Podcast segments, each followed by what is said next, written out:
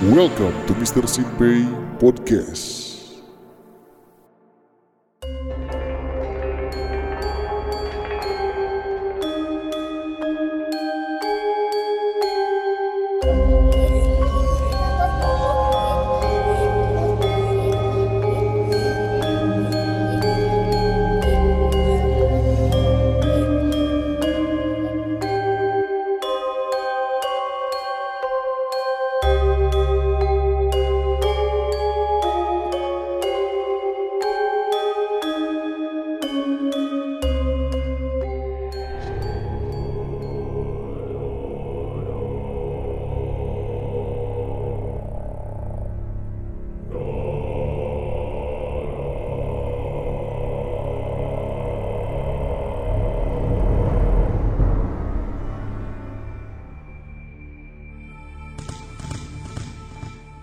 Halo, assalamualaikum warahmatullahi wabarakatuh.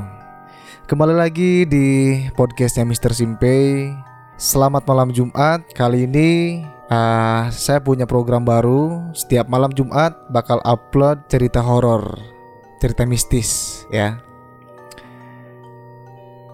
Untuk cerita yang pertama ini cerita nyata yang pernah dialami seseorang nah, dan dia sempat kirim juga ceritanya dulu ke email saya Buat kalian yang punya cerita tentang kisah horor, kejadian-kejadian mistis, boleh dikirimkan cerita kalian di email saya sansansimpe77 at gmail.com ya.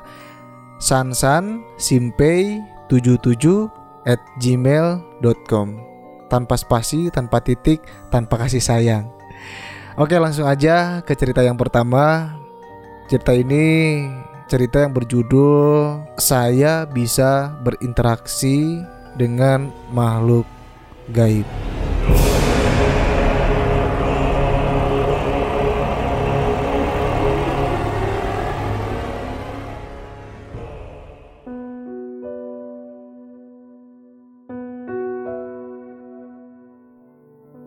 Perkenalkan, nama saya Rudi. Usia saat ini 25 tahun. Kejadian yang membuat saya benar-benar tidak pernah lupa. Kejadian yang sangat luar biasa menyeramkan. Saya tinggal di sebuah perkampungan daerah Bandung, sebuah tempat yang sangat asri, damai, indah, tenang, namun sedikit seram. Karena di tempat rumah saya, di perkampungan saya, memang masih asri dengan perkebunan, persawahan, pohon-pohon rindang, dan malam pun masih ada beberapa titik yang masih gelap tanpa penerangan lampu. Saat itu saya berusia 6 tahun. SD. Saya sudah biasa menyendiri, sepi, karena kenapa? Mungkin sejak kecil saya lebih asik atau lebih senang menyendiri. Tapi tidak luput itu, saya memang punya teman juga, teman sebaya. Waktu itu ada tetangga saya yang meninggal, seorang ibu rumah tangga usia sekitar 25 atau 26 tahun.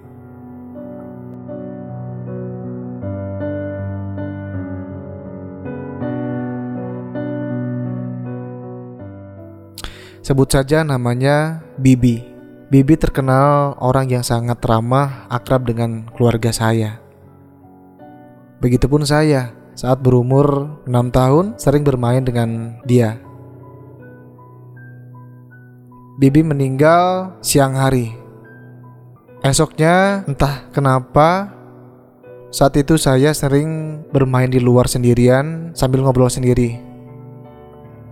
Sampai akhirnya petang pun tiba sekitar jam 6 sore. Tak aneh, tak merasa takut, saya melihat Bibi berjalan dari arah kanan rumah saya melewati rumah saya. Dengan refleks seperti biasa, saya memanggilnya dan mengajak dia bermain bareng. Padahal Bibi kemarin baru saja meninggal. Singkat cerita, ya saya asik ngobrol sama Bibi, bermain dengan Bibi. Sampai akhirnya mama saya memanggil untuk segera masuk ke rumah karena sudah petang. Karena asik bermain, saya menghiraukan ajakan mama untuk kembali ke rumah. Dan begitu kagetnya mama, saya ngobrol sendiri Dan menyebutkan nama Bibi Akhirnya saya dipanggil paksa, saya ditarik ke rumah. Mama saya tanya, kamu ngobrol sama siapa? Saya bilang, saya lagi main sama Bibi. Saya lagi ngobrol sama Bibi. Mama kaget sekaligus marah juga karena kita juga tahu ya Bibi itu baru aja meninggal kemarin.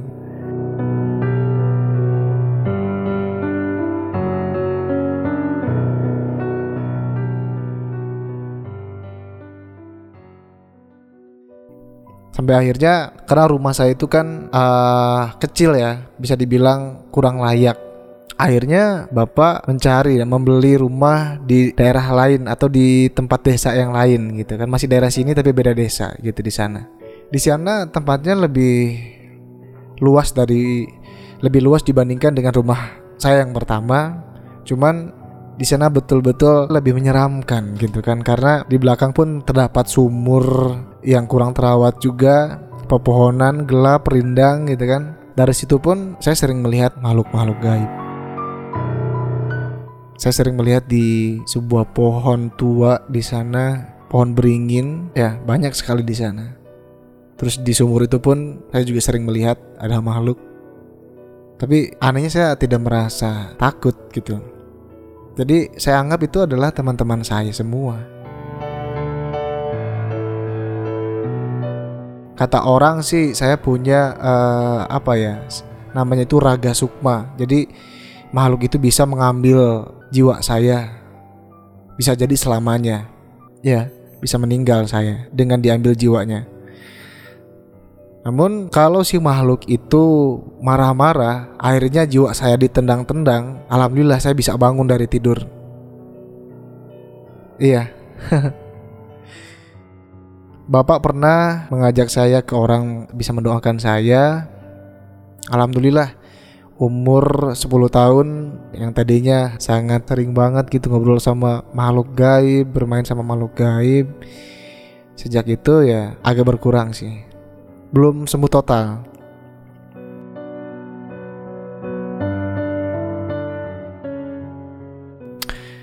Sampai-sampai di umur saya menginjak SMA karena mama, bapak sering keluar kota, sering di rumah sendirian. Waktu itu malam Jumat. Bapak telepon saya, dia bilang, "Mama nggak jadi pulang malam ini." Karena saya sendirian, akhirnya saya mengajak teman untuk menginap di rumah saya. Karena udah larut malam, saya pulang ke rumah. Ternyata begitu pintu dibuka, Mama ada di dalam dan sedang duduk sambil melamun, matanya kosong. Tanpa pikir panjang dan tidak menghiraukan, ya saya langsung salim aja gitu kan.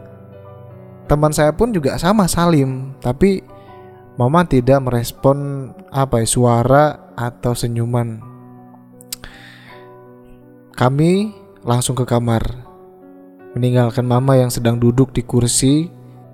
15 menit kemudian, karena juga saya baru pulang, merasa lapar, akhirnya saya keluar kamar dengan niat untuk cari makanan dan nanyakan ke Mama. Ternyata Mama sudah tidak ada di tempat duduk itu. Saya cari ke kamarnya, Waktu itu mama sedang duduk di kasur ya, menghadap jendela, badannya tegak lurus, tidak bersuara dan tidak melakukan aktivitas apa pun.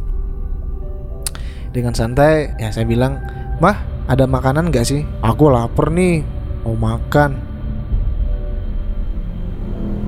Mama tidak merespon. Sampai akhirnya mama berdiri beranjak dari tempat kasurnya itu nengok ke saya hanya senyum saja.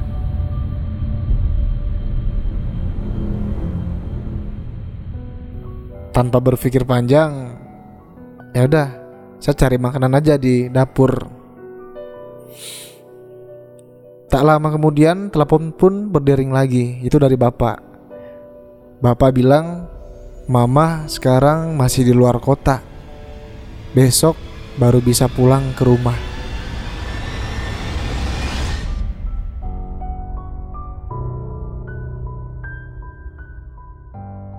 Merasa tak percaya dan sedikit kaget, saya langsung manggil teman saya di kamar.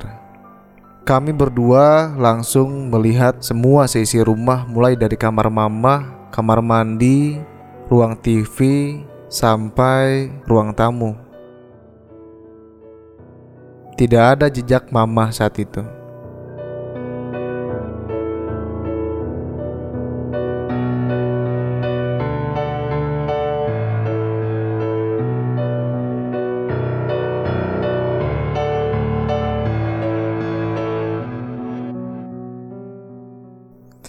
Lelah sekali rasanya ketika seharian full beraktivitas di tempat sekolah, mulai dari belajar sampai kegiatan ekskul.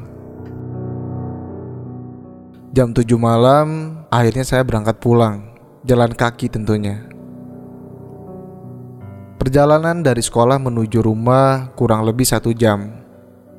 Melewati jalan setapak yang pastinya ada beberapa titik yang sangat gelap juga Di tengah perjalanan, dari jauh saya melihat ada keramaian seperti pasar malam. Yes, betul.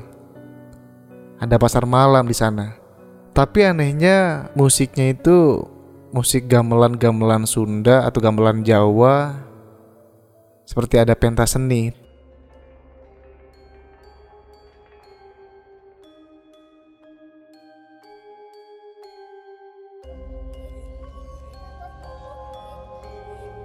Sangat jelas saya lihat ada pasar malam di sana. Syukurlah jalanan jadi rame, nggak sepi. Karena sedikit tertarik untuk melihat ke sana, saya langsung menuju tempat pasar malam itu. Aneh rasanya ketika melihat orang-orang di tempat itu tanpa ada orang yang berekspresi. Anak kecil sampai orang tua semua ekspresinya datar. Iya.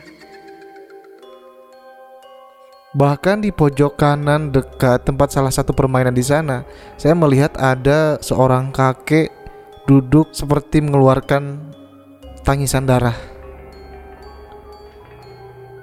Sedikit aneh, saya balik, tapi karena lapar, saya beli cemilan. Ah, lapar sekali rasanya. Sudah capek beraktivitas di sekolah. Ya udah, sambil jalan ke rumah, sambil ngemil juga.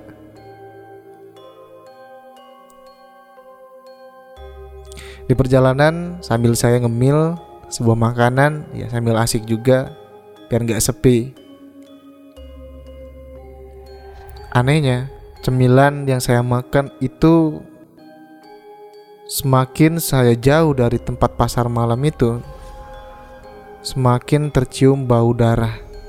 Yang saya kaget, cemilan yang tadinya saya makan itu berubah menjadi bola mata yang dicampuri darah. Teriak dan langsung membuang cemilan itu. Seketika saya kaget, pusing, lemas, berlari sekencang mungkin. Saya dihampiri dengan dua orang satpam waktu itu.